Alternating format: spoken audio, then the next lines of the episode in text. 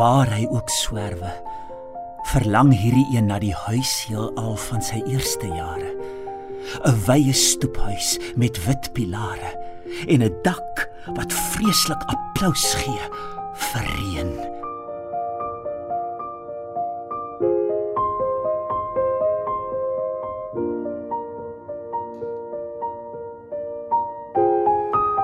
Goeienaand en welkom by Vers en Klank saam met my Sofia van Taak en die voorleser Pieter van Sail. Ons het laasweek na sy pragtige vertolkings van gedigte oor huise geluister en vanaand sit ons die tema voort. Indien jy laas Dinsdag aand se uitsending misgeloop het, die potgooi is op RSG se webwerf te vind.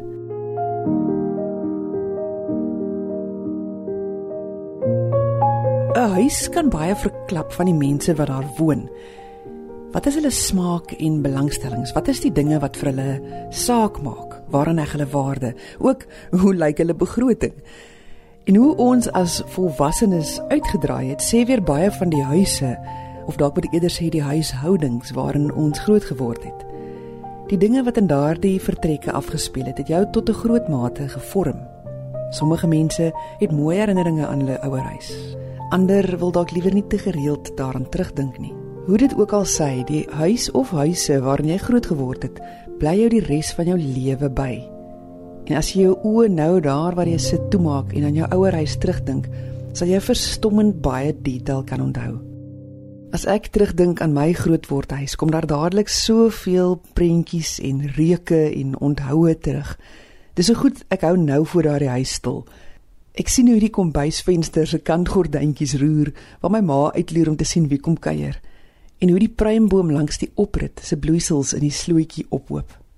Ek onthou hoe vreeslik swaar daardie motorhuis se staaldeur was. Jy moes hom omtrent soos 'n gewigopteller met momentum boontoe stoot. En ek kan steeds hoor hoe die posbus se deurtjie met die dowwe klap van hout op hout toe val en hoe dit al die jare so 'n sweempie van 'n vernisreuk behou het. Ek kan die weerstand van die voordeurklokkie se knoppie onder my vingerpunt voel en ek sien elke krul in die eysterwerk van die groen hek. En dan as ek nog eens oor die drempel nie. Die kort gediggie waarmee Pieter vanaand se program geopen het, kom uit Janie Kutse se 1986 bundel Reisiger in Vlamgebied, uitgegee deur Tafelberg. En die woorde is so waar. Dit maak nie saak waar ons op die ou ende opeindig en hoe ons eie huise lyk nie. Daar was 'n tyd toe jou ouer huis jou ganse heelal was. En die indruk wat daardie ruimte op 'n mens laat, skit jy nooit af nie. Maak jouself gemaklik vir 'n groot skoot sentiment in vanaand se program. Pieter, oor na jou. Adres in 'n verslete fotoalbum wat nie bestaan nie, deur Clinton V Du Plessis uit die bundel Joernaal, uitgegee deur Naledi in 2023.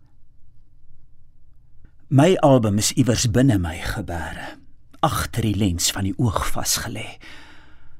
Om te onthou is nie altyd 'n hoererige hunker na verbeelde vleispotte uit die verlede nie. Nog minder die verbete nostalgiese vasklou aan wankelende onwaarhede nie. Nee, om te onthou is om op 'n manier perspektief te behou. Ons spoorweghuis, baksteen en rooi Bureaukraties perfek volgens neergelegde riglyne gebou. Die dikte van die sement tussen die stene sekuur. En deur eie toeden die klein bedding stink Afrikaners. Onsuksesvolle stukkie gras wat nooit wou grasperk nie. Die hek silwer geverf, venster sonder die wering, oorpak op die wasgoedraad, ryp vye in die seisoen. Ek en my drome om weg en uit te kom elke jaar. Dankie pa vir die vrypas. Daardie toegif wat jy gretig met beide hande sou aangryp. Die tasse se pak, bak vir padkos, die lang perronwag, die gang staan, stoom en jou verstommende kennis van plek.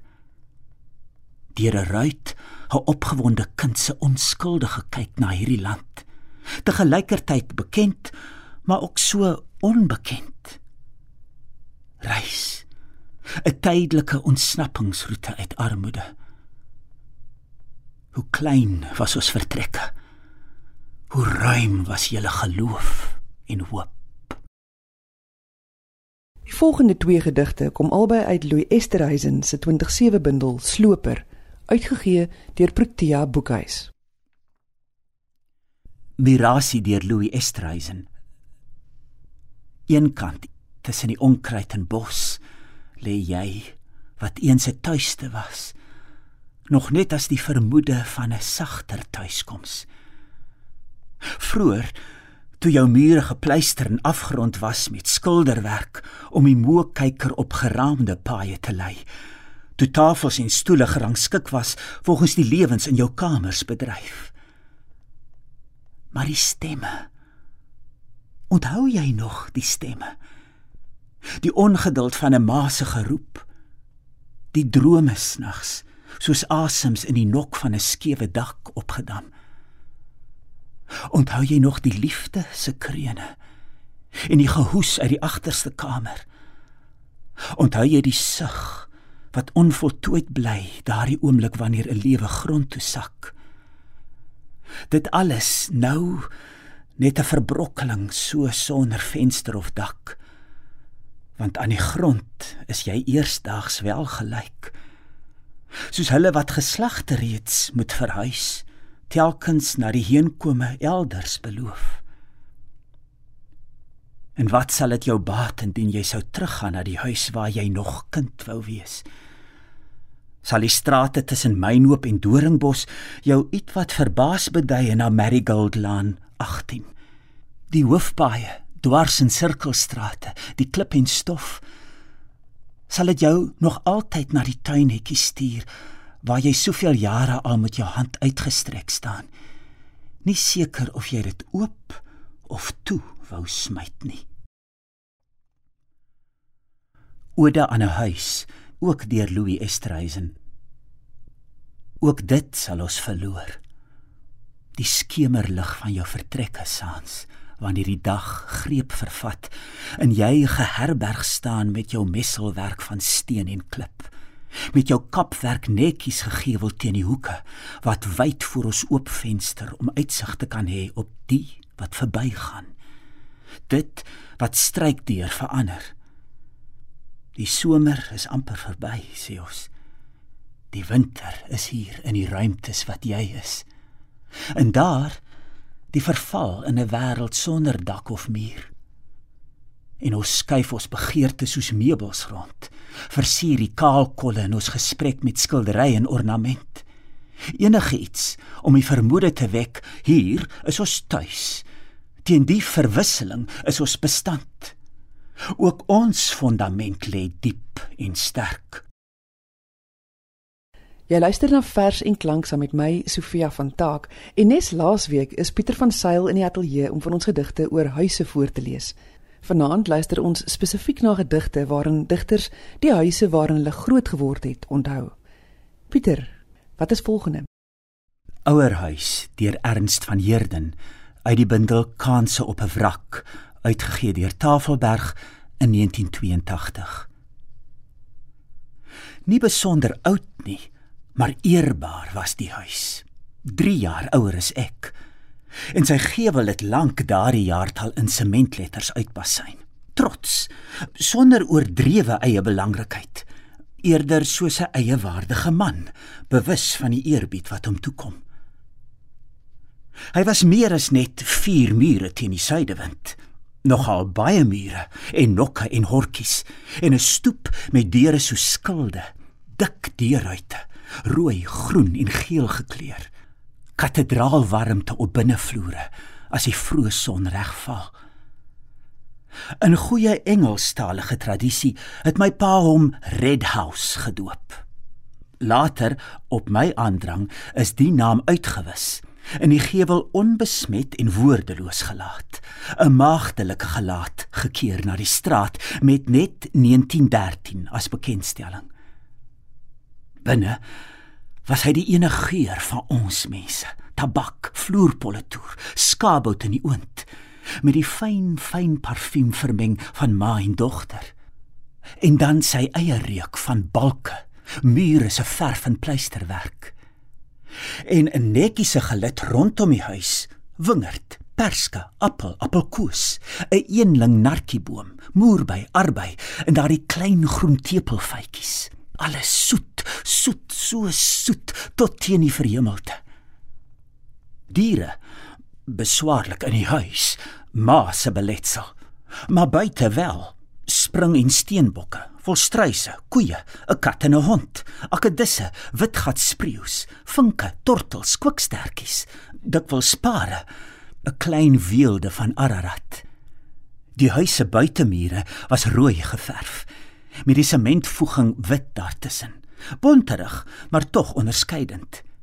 En 'n sinkdak met rooi en wit bane wat so lekker die gedawer van haalkorrels kon laat ekho en in loomaande soos pistoolskote knal. Ek verstaan die plek is nou lank reeds in ander hande nie meer dieselfde nie. Dalk verwaarloos, wie weet.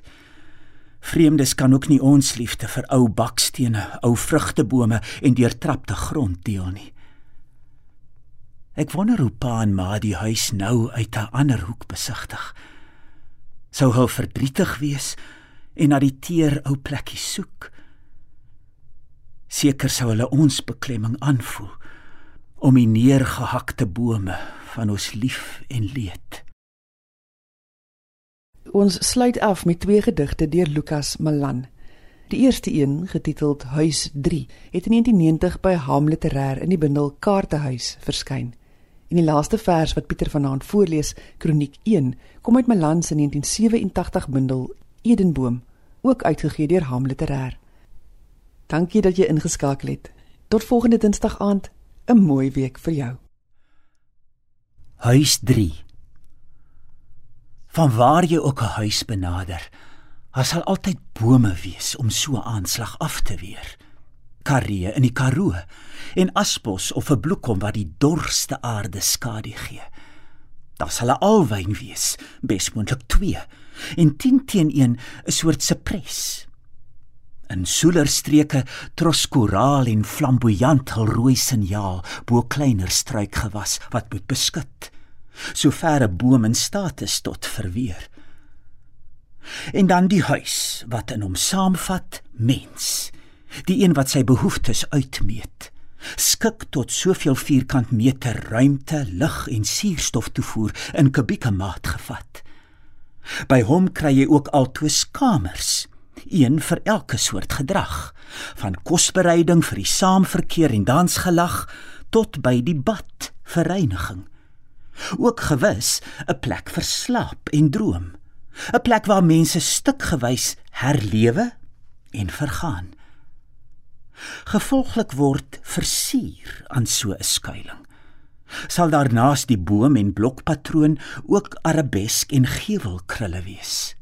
Of strak beplan 'n vertikale suilespan?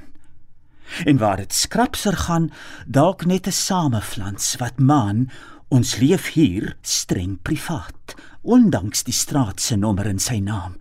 Ons weet van ondergang. Gaan kyk maar rond in Waterkloof in Isfahan en Beaufort Wes. Hoe groen geaard floreer die skraalse pres. Kroniek 1 ook deur Lukas Malan uit die bundel Edenboom. Net naasten by Victoriaans die huis met 3 slaapkamers, skuifraamvensters en 'n aangelapte agterstoep. Ruim, maar afgeskeep wat kos en lig betref, die grys berookte ou kombuis. Buite, langs die dikke silwereik, 'n wit rondavel vir die seuns. Priel en groentetuin daar neffens aangelê. 'n Kind sal altyd iets van bome weet en wonder hoe die eerste tuin mislyk.